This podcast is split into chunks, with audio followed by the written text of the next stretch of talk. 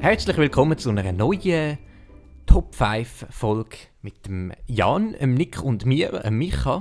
Hallo. Hallo Und, zusammen. und heute geht es um Science-Fiction-Filme. Oh Hey, ja. so cool. ich lässig. ich habe mir gedacht, es wäre doch noch cool, wenn wir, wenn wir schon das Thema Science-Fiction haben, dass wir gerade alle drei schnell eine Prognose machen, was denn in Zukunft so wird passieren. Oh, du bist ein Schlingel. In 20 Jahren können Autos fliegen. Meinst Mhm. 20 Glaub Jahre. nicht. Nein, 30 Jahre. 30 Jahre können Autos fliegen. Was denkst du, Nick? du? Ja, ich habe eben gar nicht so klare Vorstellungen, aber ich habe das Gefühl, äh, ich, ich, bin, ich bin ein bisschen pessimistisch eingestellt, bin ich ganz ehrlich. Ich bin nicht so ein Optimist, was die Zukunft angeht. Ja. Und ich habe eher das Gefühl, es geht ein bisschen alles ein bisschen den Berg ab. Ja, mit dieser mit der Prognose gar nicht mit. was das? Wenn, wenn wir gerade noch Karten legen, oder wie sehen wir es? Das ist unsere Prognose. Ja, es wird wahrscheinlich nicht so gut. Aber Nein. das soll uns ja nicht davon abhalten, um da eine wundervolle Folge auf, aufzunehmen. Mhm. Mit unseren tollen Science-Fiction-Filmen, die wir können empfehlen Sehr gut. Und zwar, Ich sag, ihr Also habt Moment, Moment, jetzt müssen wir vielleicht erst mal abmachen, was Science Fiction ist. Oder was, was wir Okay. ja richtig. Das Mach ist recht ein weiter Begriff. Also Jan, was Also für siehst du? mich, Science Fiction sind so Filme, wo, wo so ein bisschen technisch, Science Fiction? Mhm. so, ein bisschen, so ein bisschen Raumfahrt ist so ein Thema, so Zukunftsprognosen, wie wir es jetzt gemacht haben. So, so, so Zukunftsvisionen und wie sich die Welt so ein bisschen entwickeln kann.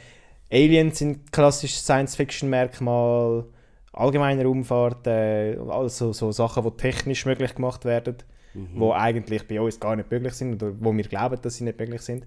So habe ich das ungefähr verstanden. Das sind so Merkmale von, von Ja. Science Fiction. Science Fiction heißt ja äh, wissenschaftlich fiktional. Genau. Genau, es geht einfach das um Zukunft. Das langt ja, eigentlich auch. Ja, einfach um die Ja, nicht mal um Zukunft. Wissenschaft, die einfach anders ist, als sie bei uns wirklich existiert. So.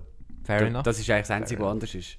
Wenn irgendetwas existiert, wissenschaftliches, was es nicht gibt, oder irgendwelche Sachen, wo man kann. Ich meine, Harry Potter ist ja zum Beispiel auch. Nein, das ist aber nicht Sci- Ja, Science-Fiction, das ist dann Fantasy. Ist Fantasy, Fantasy. Äh, bei, aber. Mir, fliegendes Auto ist Science Fiction. bei, mir, bei mir eben... Das heisst, beim Nick ist Back to the Future irgendwo drin. We- Wegen dem fliegenden Auto, meinst du? Ja, sicher. Bei mir sind einfach Filme drin, die in der Zukunft spielen. Also so Fantasy, jemand kann fliegen, einfach so. Das ist für mich Fantasy, das kommt nicht bei mir in die Ja. Bei Liste. mir spielen auch fast alle Filme in der Zukunft. Ja. Okay. nicht. Ich habe mich in auch der Vergangenheit. Ich habe mich wirklich noch schwer weil es ist ein riesen Begriff irgendwie. Aber jetzt mal schauen, gell? Ich, habe das Gefühl, ich habe mega viel vergessen. Und ich habe extra wieder Film genommen, so wie bei der Serie. Wo ich bei der Oh, Serie habe ich das Gott erst ein im bisschen so gemacht. Ist Sexified rein? dass ich Se äh, Filme genommen habe, die jetzt nicht unbedingt mega, mega bekannt sind, sondern so ein bisschen ein Schmankerl, wo, wo noch cool ist. Also ich, ich habe mega hinter diesen Film stehen, vor allem hinter dem ersten Platz. Ähm, aber es sind jetzt nicht so die, die jeder kennt, Dann lohnt es sich gar nicht zum Raten. außer der fünfte. Also ich hätte jetzt gerade, Also- dass ihr sicher beide Inception und Back to the Future drin habt und vielleicht noch Interstellar. Mhm. Also da hast du alles vom Jan gefunden. Hätte ich nämlich auch alles gesagt beim Jan. Ja. Ich könnte mir vorstellen, dass beim Nick Inception in der Liste ist. Oder dass das dann halt bei den Actionfilmen, Bei den Actionfilmen. dass Inception bei den Actionfilmen kommt. Nein, gut. Gut. Bei Micha, wenn wir den noch lesen, ich habe keine Ahnung. Wahrscheinlich auch Back to the Future. Ich kann es Ja, genau nicht sagen. Ich Ja, kann's ist schwieriger. nicht sagen. Schwieriger Fall. Aha. Mich Ich kannst kann nicht so ein mehr- Science-Fiction... Mad Max habe ich, Ah, ich ja, zum genau. Beispiel wollen rein tun, Aber aber, hast- ich habe den schon in der Abenteuerliste drin gehabt, darum habe ich ihn nicht reingenommen. Ah ja, was man vielleicht noch muss sagen, viele Leute sehen ja so Superheldenfilme, so Iron Man, Spider-Man auch als Science-Fiction. Ja, gesehen auch so. Habe ich aber jetzt nicht gemacht, Ich auch nicht. ich gehe schwer davon aus, wir machen bald noch eine Superhelden-Kategorie Richtig. und dass wir dann die Filme dort können. Gut. Lass uns nicht zu lange schnacken. Wollen wir beginnen mit unseren Honorable Mentions. Genau, ich habe Filme da drin, die ich kann empfehlen kann, die es aber nicht in meine Liste geschafft haben. Mhm. Und zwar ist das die Tribute von Panem, der erste Teil. Den finde ich super. Der erste Teil finde ich Ah, gut. gut, der erste ist noch gut, ja. Dann habe ich In Time, Mhm. Sie leben, Traumschiff äh, Surprise, äh, die Star Wars Film, ähm, Death Race von 1975 kann ich noch drin. Herrlich. Äh, ich habe Source Code.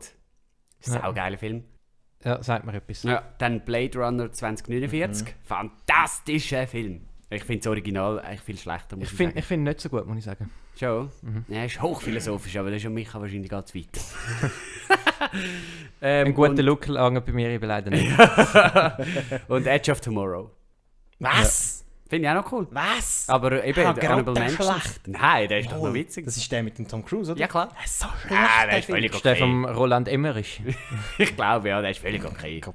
Was hast denn du für hochstehende Filme drin? Ja. Bei mir ähm, in den Honorable Mentions ist der Matrix.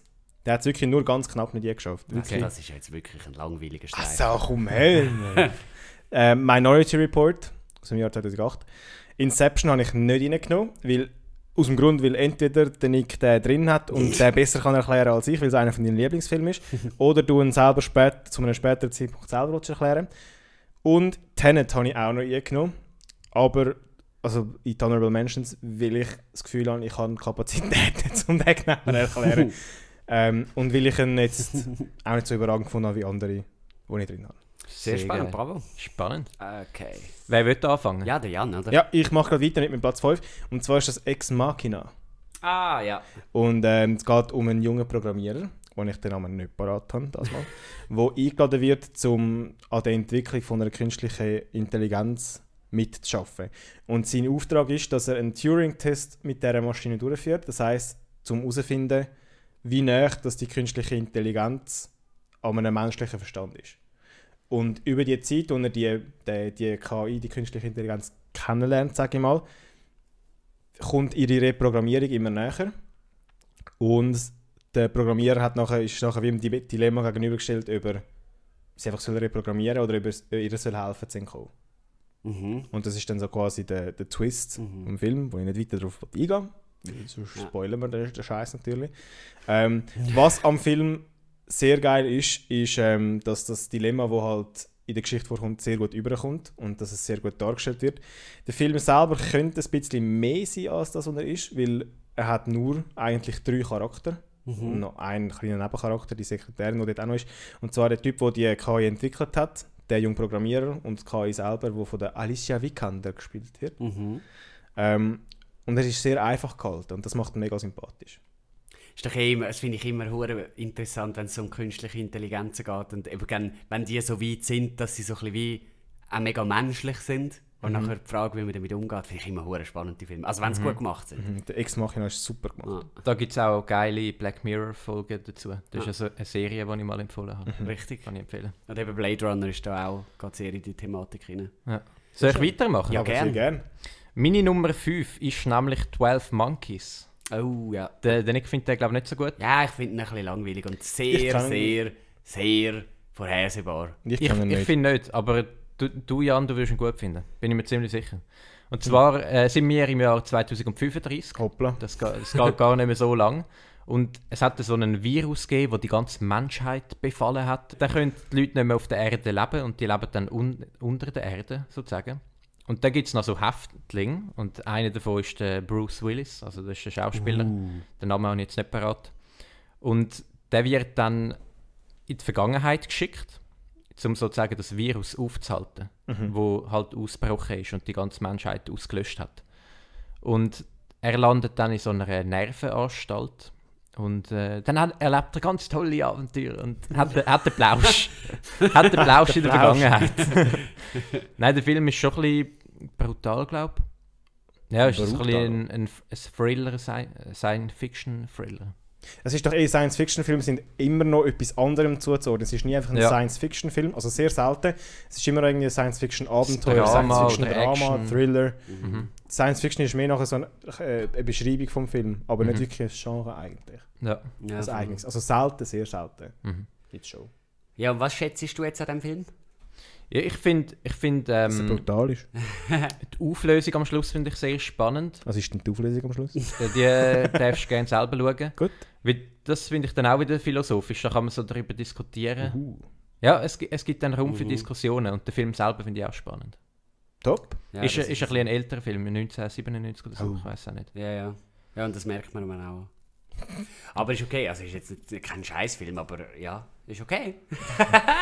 Der, der Nick steht da schon halb auf dem Stuhl, er ist richtig nervös, um seinen nächsten Platz Nein, zu sagen. es ist ein bisschen unbequem geworden. Aber Jan, ist jetzt bei dir Back to the Future drin? Nope. Nope. Nope, Back Da to, das ich- kann ich offen sagen und ehrlich, Back to the Future ist bei mir nicht drin. Okay, dann Nicht mal in der Special Mention. ein schönes Anekdötchen, weil du mich gerade vorher gesagt hast, ja, 2035 gespielt der Film, das ist ja gar nicht mehr so lange her. Back to the Future spielt ja ein Teil davon 2015. Und die haben schon 1985. Oder was meinst du? Ja, sie, sie haben ja fünf- genau 1985 gemacht. Auf jeden Fall habe ich während dem, äh, an dem Tag, wo der Film rauskam, ist, habe ich gerade ein Praktikum gehabt beim Fernsehen, irgendwie Tele 1 oder so Aha. bin ich gewesen. Und nachher war so der Back to the Future Tag gewesen. Und das ist eben lustigerweise an einem Donnerstag gewesen, aber im Film hat es an einem Mittwoch stattgefunden. und dann äh, haben wir das in so einem Fernsehbeitrag aufgeschlüsselt, warum das so ist. und irgendwie liegt es daran, dass wir, dass die, die den Film gemacht haben, nicht damit gerechnet haben, dass irgendwie das Jahr 2000 ein Schaltjahr ist und wir haben das dann aber irgendwie als Schaltjahr oder so gemacht und darum ist ein Tag verschoben. Ja, eine lustige kleine Sie haben, sie haben damit gerechnet, dass 2015 Autos können fliegen Ja, das ist Ich, so. ich kann mich auch noch daran erinnern, wo der Tag war, 2015. Das ist Weil ich, ich bin dort in der Lehre und habe so einen Radiobeitrag gehört, dass Ah. heute der Tag ist. Ja, das ist ein Tag, wo in Geschichtsbücher eingeht. Würde So ich noch wie bisschen- 9-11. würde Ich ich noch ein über nicht. 9-11 stellen, ich sagen. Das war wahrscheinlich ein ganz normaler Tag, als ich im Gimmick gesessen bin. äh, keine Ahnung. Ach, typisch, ja. Ja, gut. Mittelschule. Also, dein Platz 5. Also mein Platz 5, eben nicht unbedingt Platz 5, sondern eigentlich klar Platz 1, aber ich kann jetzt einen Schluss wählen tun, damit ich nachher Platz habe für die anderen Filme, ist Inception. Ah, der Micha schüttelt natürlich den Kopf, ja klar, Ja, gut. ist einfach nicht fair. Ja, es ist, Nein, okay, es ist jetzt ich, wirklich ich, okay. ich, ich hätte eigentlich Ex Machina aufs Eis wieder tun. Aber klar. Darf ich Inception sagen jetzt? Nein, ich Ja. kann jetzt machen wir gerade weiter. Also. Platz 4. Inception. Ja, Gott, ich, ich glaube, ich muss ja wirklich nicht wahnsinnig viel zu dem Film sagen, weil der kennt jetzt wirklich jede Sau. Der ist von 2010, gemacht von Christopher Nolan und ist vor allem, äh, spricht mich visuell an. Einfach ein gut gemachter Film, wo darum geht, dass man halt kann, äh, in die Träume von anderen Leuten reingehen Es gibt so wie eine Art Maschine und so ein Typ, der macht das, ähm, um Informationen aus den Leuten rauszuholen, weil in Träumen gibt es häufig irgendwie so Tresor oder so, wo irgendwelche unterbewusste Informationen sind und dann kann er die wie dort holen und nachher den Leuten, die ihn gezahlt haben, die Informationen geben. Und jetzt geht es aber in dem Film darum, es ist ein bisschen ein Heist-Movie, eine Art, äh, aber sie müssen eine Information pflanzen bei jemandem in den Traum rein und dann gehen sie zu dem in den Traum rein und dann irgendwie nochmal in den Traum und so weiter. Und es ist ein bisschen kompliziert, äh, aber ich finde ihn vor allem visuell fantastisch gemacht und ich finde die Geschichte auch geil. Aber eben, ich glaube, ich muss nicht groß etwas zu dem Film sagen, weil den kennt jetzt wirklich jeder.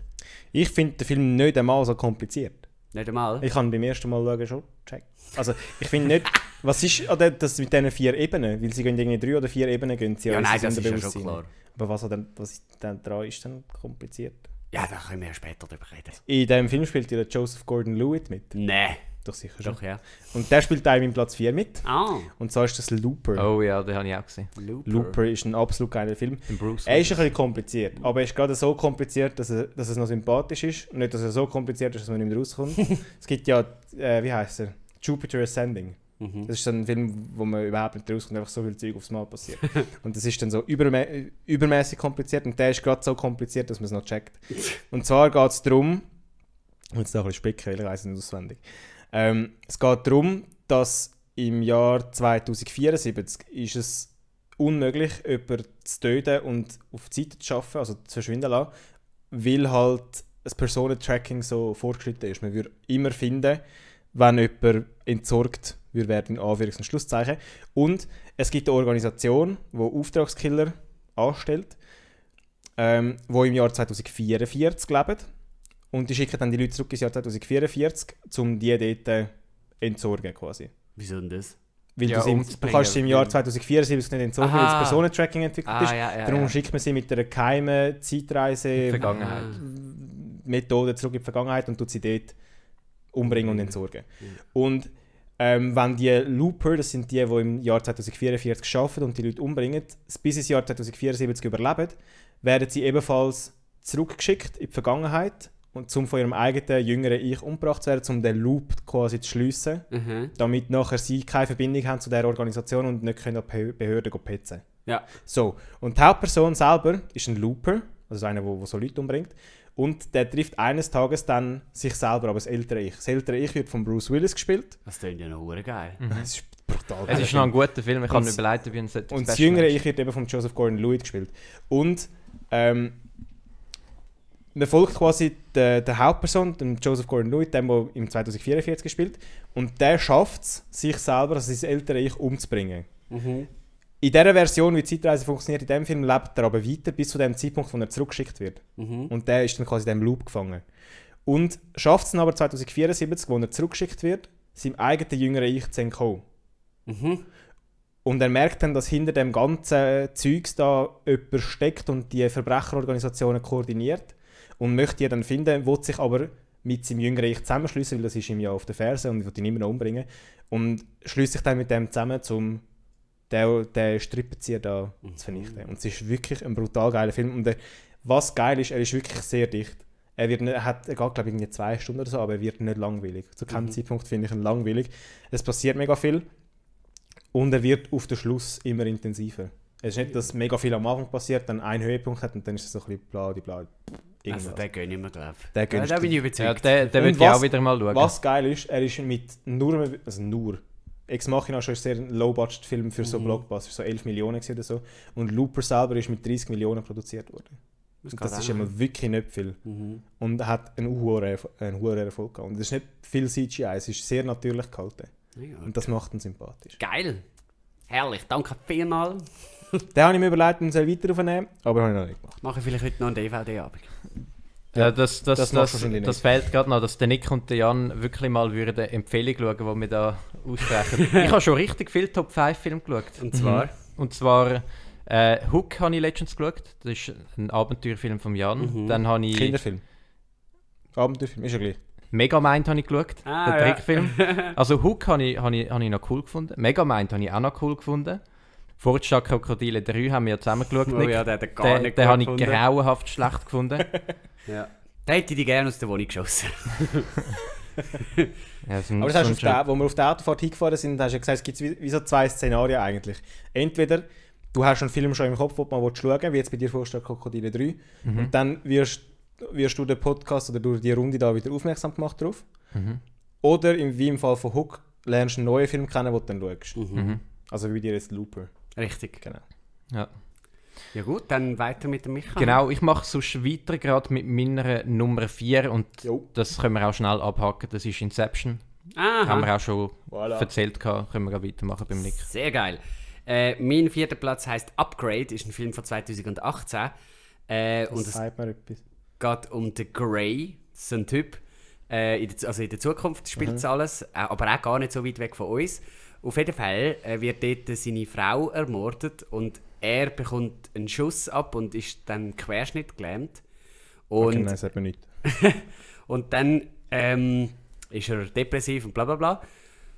Und will sich eigentlich gerne umbringen. Und dann kommt aber jemand zu ihm und sagt: Yo, ich habe so einen Chip und ich kann dir den an den Nacken ran tun. Und der Chip tut dann eine Art, der hat eigene Intelligenz und kann deinen Körper steuern oder dich unterstützen.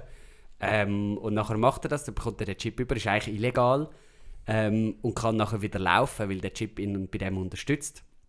Und er kann auch reden mit dem Chip und der, der sagt ab und zu auch Sachen und so. Ähm, und nachher will er auf die Suche gehen nach dem Mörder von seiner Frau. Ähm, und ist halt ist ein normaler Typ, aber der Chip kann eben zum Beispiel gut schlägeln. Und nachher ähm, geht er so Leute vertatschen, muss aber immer seinem Chip die Ermächtigung geben. Also er sagt immer, yo, jetzt kannst du übernehmen. Weißt du, so offiziell. Und erst dann kann der Chip übernehmen. Und das ist mega spannend, weil der Chip halt gerne auch mehr würde übernehmen und so. Und dann auch, wenn er kann, Also der Chip übernehmen. redet selber auch. ja, Okay. also er gehört dann einfach. Ja. Und der Chip, der verklopft dann alle möglichen Leute und so.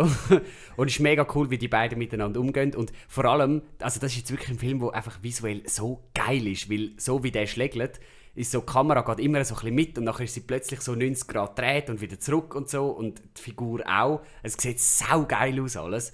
Also die Action ist wirklich sau geil. Die Geschichte ist so voll okay, aber die Action ist wirklich geil. Hat auf bisschen Netflix.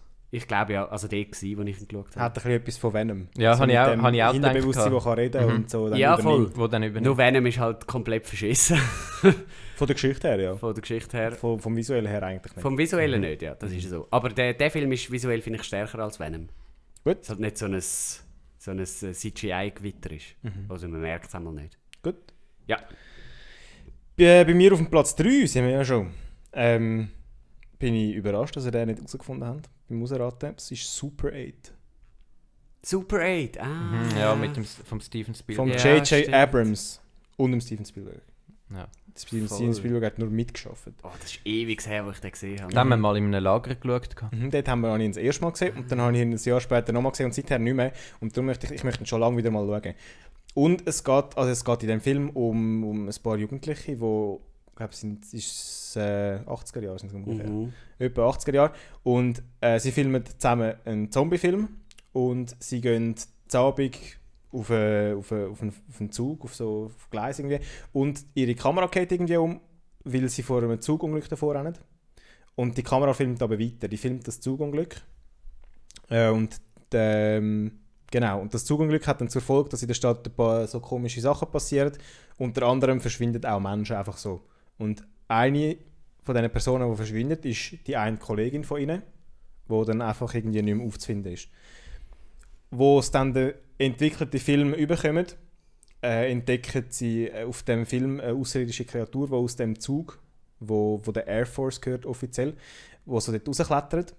Und sie findet dann durch einen Lehrer oder durch einen Professor heraus, dass die Air Force an, dem, an dieser Kreatur, an dem Alien, ähm, Experiment gemacht hat und dass das Alien jetzt halt hässlich ist auf die Menschen und die Menschheit will vernichten Und sie findet dann irgendwie heraus, dass, ähm, dass das Alien ihre, ihre Kollegin entführt hat und macht sich dann auf, die Kollegin wollen zu retten. Und ähm, viel weiter muss ich gar nicht erzählen. ähm, wo es ist eine fantastisch erzählte Geschichte. Also ich finde, du gehst richtig mit diesen Jugendlichen mit und du kannst dich wirklich so ein bisschen in die, in die Gruppe hineinfühlen. Und ich finde es einer der spannendsten Blockbuster, weil es ist halt wirklich so ein bisschen, es ist für Jugendliche ausgelegt, aber eben gleich nicht wirklich. Weil es ist irgendwie so an der Grenze von zu brutal für Jugendliche und zu intensiv, aber eben gleich nicht ganz. Mhm. Und es ist auf der Seite eben gleich noch irgendwie emotional, aber es ist eben gleich nicht ganz emotional. Wenn ihr irgendwie wisst, was ich meine. Ja, wir haben ja gesehen. Ja, gut. Ja, mir war jetzt Fantasy-lastig. gewesen. Ich bin Das- nicht so Fantasy-Fan. Ja. Mir ein bisschen zu lang gegangen, aber schon habe ich ihn gut gefunden. Ich weiß nicht, ob ich ihn in der heutigen Zeit jetzt auch noch gut fände oder ob ich ihn zu langweilig fände. Mhm. Aber ich mag mich erinnern, dass ich ihn sowohl dort, wo wir ihn im Lager geschaut haben, sehr geil gefunden habe und ein Jahr später auch noch. Ja. Darum habe ich ihn reingenommen. Herrlich. Vielen Dank für das. Bitte Ja, gern geschehen. Dann mache ich weiter. Wir sind beim Platz 3, gell? Ja. Jo. Und zwar habe ich da in Hardcore Henry. Kennt ihr den? Nein. Das ist so ein Action-Science-Fiction-Film. Äh, die Geschichte ist jetzt wirklich nicht, das ist wirklich nur Mittel zum Zweck. Und zwar der, der Henry, der wird so als Cyborg, halb Roboter, halb Mensch, wird er sozusagen wiederbelebt. Und dann gibt, hat er hat so eine Frau und die, ich glaube, die ist es sogar, wo ihn wiederbelebt in so einem Versuchslabor. Und die wird dann entführt von so einem Bösewicht. Und der Hardcore Henry, es ist so aus der, der Ego-Perspektive. Der siehst- Hardcore, der Hardcore Henry ist der neue Bauer Jürg. du, du siehst nie, du siehst ihn nie, wie er als Person aussieht. Du siehst immer nur seine Hand. Es ist, sagt man, dem POV. Ah, der. Film, mal. Ja, ja, den kenne ich. Genau, und hast du den geschaut? Nein, du hast mir mal einen Ausschnitt gezeigt. Genau, und der läuft einfach um durch Moskau und Oh versucht, ja, seine, der hast du Ausschnitt gezeigt. der, der versucht seine Frau wieder zu bekommen oder wieder zu binden und boxt sich einfach durch Moskau durch und, sch- und schlachtet sich durch Moskau Ah, ich durch. habe gemeint, es sind einfach Videos von einem, der das so macht. So kurz. Nein, Das nein, ist nein. jetzt- Film. Das ist ein hat eine Film. Geschichte dahinter? Es ist so, es ist so Ah, geil, geil. die Action. dort. es, ist- also, es ist einfach plumpe Action, die Geschichte kannst du vergessen, aber es, ist einfach, es macht einfach mega Spaß zum Zuschauen. Der ist sogar auf YouTube, oder? Mhm. Also, du hast ihn Nein, uns auf YouTube gezeigt. schon? Mhm. Ja, ich weiß nicht. Aber ja. Oder vielleicht auch also, Szenen daraus aus YouTube. Klar, ich weiß, das ist jetzt nicht so ein guter Film wie Inception zum Beispiel, aber ich habe ihn höher in der Liste, weil ich ihn einfach viel lieber schaue. Mhm. Mhm. Ich, ich finde es einfach. Es wird dann gegen Ende äh, wird's mega Fantasy-mäßig, das habe ich auch nicht mehr so gern. Aber so der Anfang und Mitte, wo er sich so einfach durch Moskau durchschlachtet, das ist so, so, es macht so Spaß zum Zuschauen. Und es ist auch mega realistisch. Und So. wieso ist es Science Fic- Science Fiction? Weil er als Halbroboter Weil er so ein halber Roboter Aha, ist und wird. er ist am Anfang auch so, eben so in einer Kapsel, in so einem okay. Versuchslabor. So eine Kapsel langt schon für einen Science-Fiction. Gut. Es ist schon Science, Science Fiction, das sehen wir schon. Ich bin Fan von ähm, Zeitreisefilmen und da haben wir auch gerade einen. Ich bin Back sehr Fan von Zeitreisefilmen. Und heute, hier und heute geht es um Palm Springs. ein Film von 2021, also schon relativ frisch. Ähm, und die Hauptfiguren werden gespielt, also Zara, das ist ähm, die, die Mutter von How I Met Your Mother. Und äh, der Niles, das ist der von Brooklyn 99, der, die Hauptfigur. Und die beiden, es ist auch ein eher kleinerer, kalt, kalter Film. Die beiden sind an einer Hochzeit von der Sarah, ihrer Schwester. Und sie, sie lernen sich dort kennen und haben am Abend so etwas und so. Und sind dann so ein in der Wüste raus. Äh, und dann kommt plötzlich irgend so ein Sieg, wo ihn, also der Niles, will abschiessen. Und er säckelt dann in so eine Höhle rein und sagt irgendwie, sie soll ja nicht in die Höhle reinkommen. Und dann geht sie gleich auch in die Höhle und wacht dann wieder auf, eine Art am Morgen vorher. Äh, und nachher ist sie so in einer Zeitschleife drin. Und er eben auch. Und es stellt sich aber heraus, dass er schon seit Ewigkeiten in dieser Zeitschleife drin ist. Und der Tag schon irgendwie hunderte von Mal wieder erhol also wiederholt.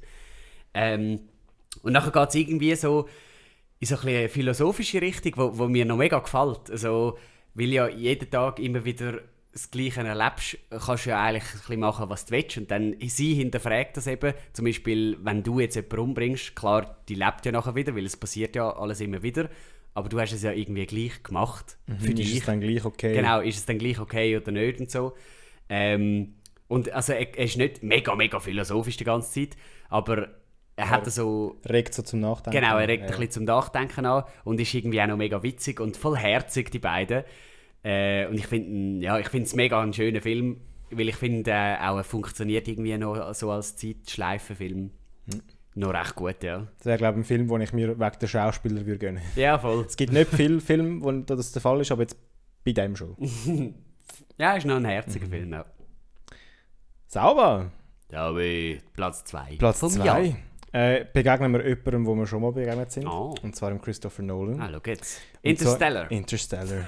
es geht kurz und knackig, weil wenn alles, was wir will erklären, sind wir Monate dran. Ähm, die Menschheit ist äh, dem Untergang gewidmet und äh, sie suchen nach einem neuen Heim auf einem neuen Planeten. Und äh, im Zentrum steht der Cooper, gespielt von Matthew McConaughey, wo seine Familie muss zurücklassen, um so einen Planet zu suchen. Und zum, wo so ein Planet, wo die Kriterien für ein, eine neue Zivilisation ermöglichen soll. Und der Film geht um das und um sein, se- seine Reise, was er, was er erlebt, was für Hindernisse es gibt. Und ich finde es ähm, Nolan sein spannendster Film. Ich finde ihn spannender als Inception, sage ich ganz ehrlich. ich finde ihn visuell uhuere Ja, stark. ist mega beeindruckend. Er ist wirklich, es ist ein Film, den man nicht auf dem Handy schauen darf. Nein, also wirklich nicht. Ähm, es es ist ha Hammer Musik, Hans Zimmer. Ähm, Hammer Schauspieler, gut, wo ihre Charaktere gut spielen. Und einfach ein, ein Meisterwerk, finde ich. Also ich finde, ich würde ihn nicht nochmal schauen. Ich finde ihn okay. Ich finde ihn aber auch nicht gut. Ja. Ich finde ihn sehr konstruiert und viel zu lang. Ja. Hm. Aber Das kann ich also verstehen. auch Schauspiel finde ich auch super. Äh, auch coole Bilder und so. Alright, alright, alright. Alright, alright. Matthew McConaughey. Alright, alright, alright. Sehr geil. Genau, das ist meine Meinung. Einer von Nolan seinen besten Film. Ja, finde ich auch. Ich habe auf Platz 2, den habt ihr auch gesehen, das ist äh, Black Mirror Folge und zwar ist das Bandersnatch. Das ist aber ein Film, weil der ist als Film rausgekommen. Und zwar ist es ein interaktiver Film, also Sehr geil. darum ergibt es jetzt nicht mega viel Sinn, wenn ich da die Story erzähle, weil jeder, der den Film schaut oder besser gesagt spielt, erlebt den Film ja ein bisschen anders und hat ein bisschen Ja, eine so andere eine Geschichte. Grundprämisse hat es ja gleich. Genau, die Grundprämisse ist eigentlich, dass es so einen Programmierer gibt, wo ähm, so ein Fantasy, ein Fantasy, äh, so einen Abenteuerroman will in ein Spiel adoptieren, adaptieren. Und dann, ähm, ja, dann, dann weiß ich auch nicht mehr so recht weiter. Ich würde unbedingt wieder mal schauen. Ich weiß Mhm. noch, wir haben den zusammen gespielt, gehabt, der hat mich emotional so richtig gepackt. Ja, und am irgendwie- Ende, am Ende sind wir alle so dort gesessen und haben gedacht, fuck. Wir sind etwa oh. 5 oder 6 Stunden dran gewesen und irgendwie hat es geheißen, durchschnittliche Spielzeit etwa 2 Stunden. Mhm. Es geht irgendwie trifft er nachher einen, wo ihm, wo ihm das Spiel soll finanzieren und dort fangen dann glaube ich die, die Entscheidung an. Du kannst am Anfang entscheiden, welche Cornflakes das tust, aber die hat glaube ich keinen Einfluss. Ja, das ist einfach Und zum es- Ausprobieren. Und es gibt nachher Memes, die sagen, ah, was wäre passiert, wenn ich die anderen Cornflakes genommen hätte. Dabei haben die Cornflakes genau keinen Einfluss. mhm. Das ist ja nur zum Spiel ausprobieren. Dass du merkst, wie es geht. Ja, genau. Eben, ich kann jetzt nicht sagen, ob jedes Ende wird emotional packen, weil es gibt glaube auch verschiedene Enden. Wir haben glaube ich alle durchgespielt. Nein. Äh, wir haben vi- viele verschiedene Szenarien durchgespielt. Ja, man kann ja gar nicht, also zum Teil schießt es einem schon wieder zurück an, nicht ganz an Anfang, aber so äh, einigermaßen an Anfang, aber dann vo- geht die ja. Geschichte gleich anders weiter, als wir sie eigentlich schon gesehen haben. Gut, das stimmt. Also es ist, hure komplex, aber saugeil. Ich bin jetzt nicht generell Fan von so interaktiven Filmen. Wenn ich einen Film schaue, dann würde ich ihn gerne schauen und nicht gerne noch arbeiten dabei. Das Aber habe ich auch bei Büchern, so, so interaktive Bücher bin ich auch nicht Fan davon. Aber wenn man sich dort äh, kann überwinden und das macht, das, das lohnt sich. Das Ich finde, wenn man einen dritten spielt oder schaut, hat's noch mal ganz, das ist noch mal ganz anderes Erlebnis, als wenn du einfach daheim sitzt schon mit deiner Fernbedienung ein bisschen spielst. Mhm. Mhm. Voll. Ja. Darum, wenn ihr den schaut, schaut zu dritt. Ja, voll. viert. Ja, es hat äh, richtig Laune gemacht. Mhm. Laune richtig Spaß. Äh, mein Platz Nummer 2 sind wir jetzt, glaube ich. Äh, Das ist wieder ein Zeitschleifenfilm. Der heißt When We First Met von 2018. ist ein Netflix-Film. Ähm, und auch der ist, ist jetzt nicht, äh, hat nicht ein riesiges Budget gehabt und alles. Aber, aber ich finde ihn ein mega herziger Film. Es geht um den Noah. Der lernt jemanden kennen und die heißt Avery oder so. Und äh, die beiden werden beste Freunde. Und er steht eigentlich auf sie. also, er ist eigentlich ein richtiger 0815-Film. Aber auf jeden Fall. Äh, und irgendwann heiratet sie dann, jemand anders halt. Und das findet er dann ein bisschen doof und geht irgendwie so saufen und so. Und dann geht er irgendwie, das ist ein bisschen komisch, in so einen Fotoautomat, wo sie zusammen Bilder gemacht haben, wo sie sich kennengelernt haben. Dann geht er in den Fotoautomat und macht Bilder von sich und wird durch das wieder zurück an den Tag geschossen, wo er sie kennengelernt hat. Und nachher nutzt er das, um eine Art das nochmal neu versuchen, damit er sie dann hat. Also damit äh, sie sich in ihn verliebt und so. Und dann erlebt er wie den einen Tag und nachher wird er wieder drei Jahre zurückgerührt in die, äh, in die heutige Zeit eigentlich und sieht, was für Auswirkungen es hat, was er Ah. damals gemacht hat. Und nachher geht er immer hin und her eine Art und es klappt halt nicht so wirklich und dann lernt er sich selber besser kennen, und was er eigentlich will und was er kann und, und ist noch cool. Also ich finde es ein mega lustiger Film und auch recht emotional und so.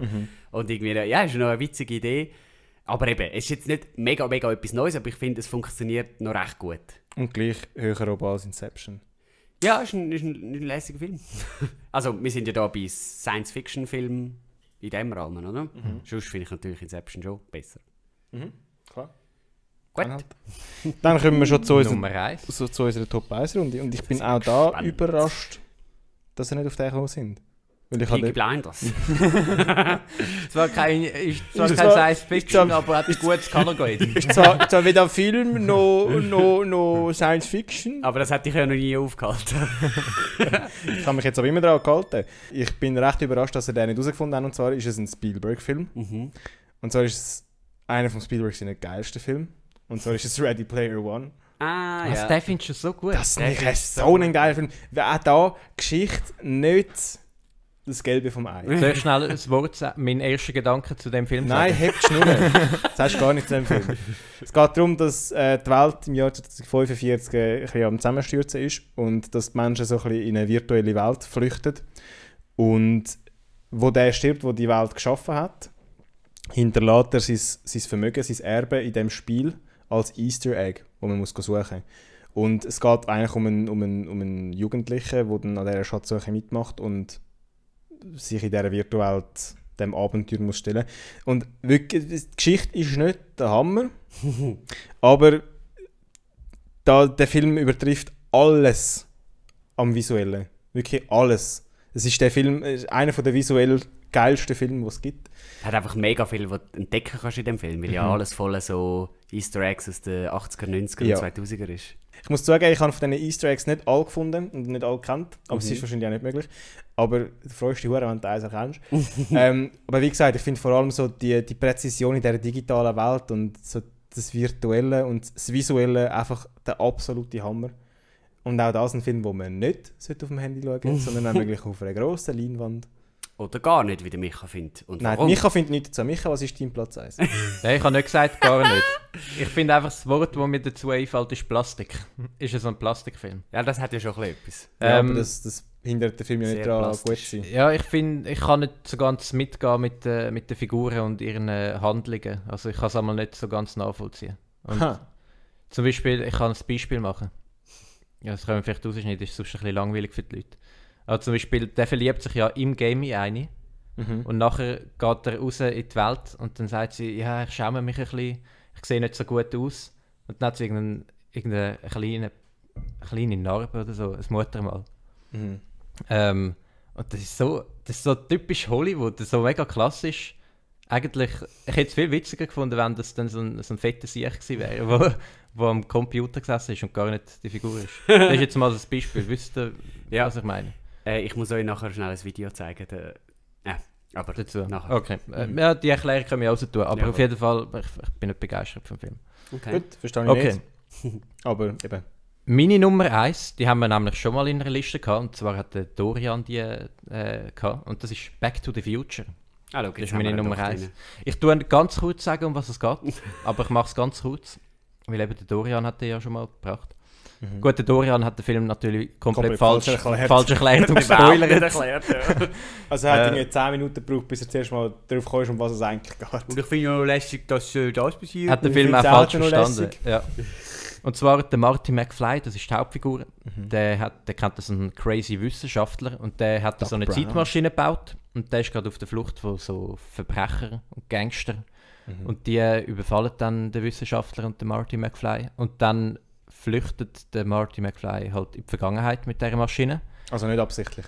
Nicht absichtlich, kommt dann in die Vergangenheit und tut dann aus Versehen ein bisschen etwas durcheinander bringen, also seine Eltern ähm, Er sorgt dafür, dass seine Mutter sich nicht in seinen Vater verliebt, aus Versehen. Obwohl er eigentlich Genau. das Gegenteil will bewirken. Genau, er, Und das- er sorgt das- dafür, dass seine Mutter sich in ihn verliebt. Genau, und das gefährdet ja seine Existenz. Weil wenn die Mutter nicht mit dem Vater zusammen ist, dann gibt es ihn ja eigentlich nicht. Ja. Und dann muss er sozusagen schauen, dass die äh, halt wieder zusammenkommen und dass alles Ja. so läuft, wie es früher war. Richtig. Finde ich einen richtig geiler Film. Gibt's Wundert mich Teile. richtig fest, dass der bei dir nicht in der Liste ist. Nick. Ja, ich finde ihn, ich find ihn auch sa sau geil, muss ich sagen, aber ich habe ihn irgendwie jetzt lange nicht mehr gesehen und darum ist er ein bisschen in Vergessenheit geraten. Weiß auch Ja. nicht. Es ist jetzt so... Ich, und ich glaube, ich finde einfach den dritten Teil nicht so gut und das ist der letzte, den ich gesehen habe. Und dann ist wie so die Trilogie nicht so gut in Erinnerung geblieben. Aber eigentlich finde ich ihn ja schon saugeil. Ja, äh, Eigentlich müsste ich nicht Honorable Mentions tun. Wenn schon, dann schon. Mindestens. Schade. Schade. Ja, aber mein Platz 1 ist natürlich für einen anderen Film bestimmt. Wo wahrscheinlich niemand kennt. Doch, den kennt ihr. District 9. Keine nicht. Ihr? Ja, doch, der Name sagt mir etwas. Und lustigerweise ist der aus dem 2009. ja, es geht irgendwie so darum, äh, dass ein Raumschiff mit Aliens äh, auf die Welt gekommen ist und einfach so auf, also über dem Boden geblieben ist und irgendwie so. Ah, ich weiß welche. Ah, Es gibt mehrere, also ich habe ihn nicht gesehen, aber es sind so mehrere Raumschiffe über Erde verteilt. Nein. Nicht. Dann meine ich einen ein Raumschiff und dort hat so Aliens drin und äh, die kommen aber nicht raus und die Menschen gehen dann irgendwann so das aufbrechen und dann sehen sie dort so abgemagerte Aliens drin und nehmen dann die raus und machen dann wie so ein Flüchtlingslager für die und das ist in Johannesburg, also in Afrika, Südafrika. Südafrika, genau. Und ähm, dort tun sie dann so eben so äh, die rausholen und ein Flüchtlingslager machen und aus dem aus entsteht dann relativ schnell so Slums, wo die Aliens drin wohnen. Und eigentlich wird dort, also der, der Film geht mega so um Rassentraining und so und wird einfach auf der Ebene von Aliens und Menschen gezeigt. Und so die Menschen, die sich dann über, denen Alien, über die Aliens stellen und eben denen nicht so richtig schauen und die sind dann jetzt so voll am Verwahrlosen und so. Ähm, und es gibt eben so eine Firma, wo die, äh, wo die Flüchtlingslager organisiert und die wollen eben an die Waffen von diesen Aliens gehen. Und die Waffen kann man aber nur brauchen, wenn man die DNA von so Aliens hat und darum sind sie so auch am Versuch machen mit den Aliens und bla bla bla. Nämlich gehen nicht so gut mit denen um. und dann gibt es einen Mitarbeiter von dieser Firma, ähm, wo bei einer Räumung, also die sollten irgendwie von District 9 in District 10 kommen, dort äh, wird, kommt er irgendwie in Kontakt mit so einer Flüssigkeit von den Aliens und nach dies nach kommt er die DNA über. Also so, Also er wird selber zu einem... Die, genau, also so seine Hand fängt an, ähm, so alienartig zu werden und so und, und ihm geht es immer schlechter und er versteht dann glaub langsam sogar denen ihre Sprache und so. Und nachher ist es halt mega spannend, weil er eigentlich ein Mensch ist und die Aliens auch hasst und dann aber selber langsam zu so einem Alien wird und so. Und also eben, es ist mega so auf dieser Ebene von Rassentraining und äh, zu wem gehöre ich und, und so weiter und so. Aber ich finde den fantastischen Film sau geil gemacht. Und die Menschen sind auch so Arschlöcher. aber, aber es ist ein mega guter Film. Und die Aliens, die sehen eben auch nicht so typisch alienhaft aus. Also, sie- also man nennt sie im Film Shrimps. weil sie eben so ein bisschen Shrimp-artig aussehen und so ein bisschen insektenhaft irgendwie. Mhm. Ähm, ja, es ist ein saugeiler Film, kann ich sehr empfehlen. Wird ja aktuell, ich habe gerade schon angeschaut, ob ich jetzt den Film gemeint habe oder nicht. Ich habe Arrival gemeint. Ah ja, der ist auch saugeil. Okay. ähm, und es wird an einer Fortsetzung geschafft. Richtig, District 10. Mhm. Ich hoffe, der verkackt es nicht, weil es ist eigentlich unnötig, da eine Fortsetzung zu machen. Gut. Aber ja, eben, saugeiler Film. Schaut den. Ja, sehr schön. Jo, dann haben wir es für heute. Dann sind wir schon durch. hä? Geil, oh. Dann danke ich euch für den schönen Abend Hey, merci. Ebenfalls. und äh, wünsche euch eine gute Woche. Wir hören uns bald wieder. Tschüss. Ciao.